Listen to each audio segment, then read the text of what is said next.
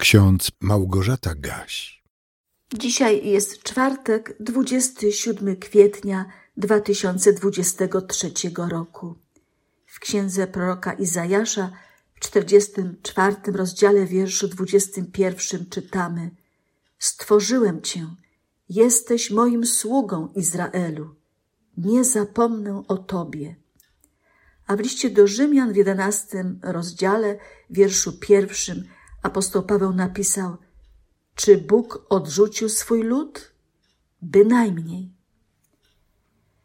W związku z tym, że w przeważającej liczbie członkowie narodu wybranego, potomkowie Abrahama, Izaaka i Jakuba, nie rozpoznali w Jezusie z Nazaretu Mesjasza, mogło pojawić się pytanie, które apostoł Paweł stawia na początku jedenastego rozdziału listu do Rzymian.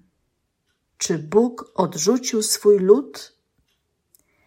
I od razu apostoł w sposób niebudzący wątpliwości tłumaczy, że Izrael kiedyś dostąpi Bożego miłosierdzia i tak jak chrześcijanie będzie mógł cieszyć się zbawieniem, bo otwarte zostaną jego duchowe oczy i uszy. Wszyscy spotkają się na Syjonie, gdy Jezus po raz drugi przyjdzie na świat jako Pan Panów i Król Królów. Przyjdzie po raz drugi na ziemię, by swoich wybranych zaprosić do Królestwa Niebios. W swoim rozmyślaniu apostoł Paweł próbuje zrozumieć, dlaczego Izrael musiał być na jakiś czas odrzucony z powodu zatwardziałości serca. Zdaniem apostoła ta sytuacja była sprzyjająca dla pogan, bo właśnie dlatego, że Izrael odrzucił Ewangelię, dotarła ona szybciej i z większą mocą do ludzi spoza ludu wybranego, ludu umiłowanego. Potwierdziła się znana prawda, że Bóg wszystko obraca ku dobremu. Wszystko jest pod Bożą kontrolą i ostatecznie Bóg będzie decydował o naszym zbawieniu lub potępieniu. Biada tym, którzy próbują zajmować pozycję najwyższego sędziego. Biada tym, którzy pogardzają Bożym Słowem i w zamian tworzą własną Biblię. W jedenastym rozdziale listu do Rzymian jest mowa o tajemnicy Boga. Ta tajemnica dotyczy losów Izraela.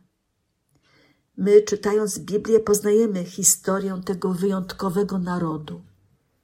Uczymy się na błędach popełnionych przez ten naród, ale też możemy się wzorować na niektórych postaciach biblijnych, członkach tego narodu, który Bóg nazwał szczególną swoją własnością, narodem świętym i królestwem kapłańskim. Apostoł Paweł w jedenastym rozdziale listu do Rzymian napisał: Nieodwołalne są bowiem dary i powołanie Boże. To jednoznaczne stwierdzenie apostoła Pawła odnosi się do potomków Abrahama, Izaaka i Jakuba.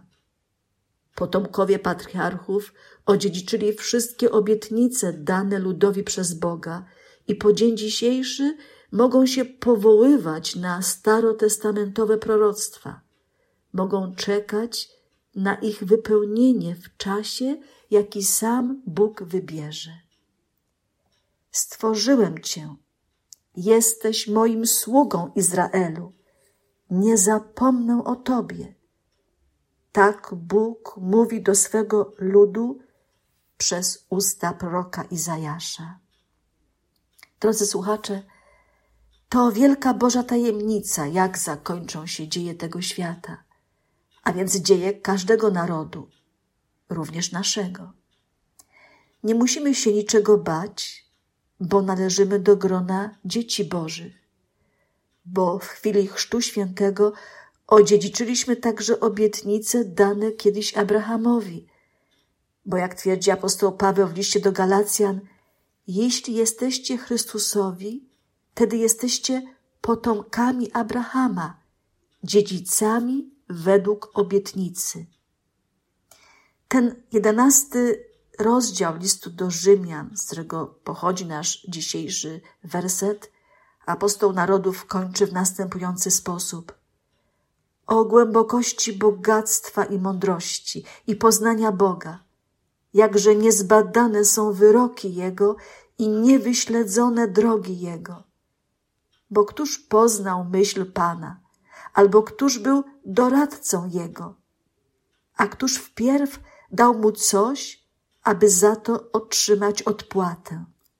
Albowiem z Niego i przez Niego i ku Niemu jest wszystko. Jemu niech będzie chwała na wieki. Amen. Módlmy się. Ty, wierny Boże, na zawsze związałeś się ze swoim ludem izraelskim i obiecałeś mu wyzwolenie oraz powrót do domu. My wszyscy żyjemy dzięki Twojemu miłosierdziu i radujemy się z Twojej wierności. Bądź za to, Panie, uwielbiony, teraz i na wieki wieków. Amen.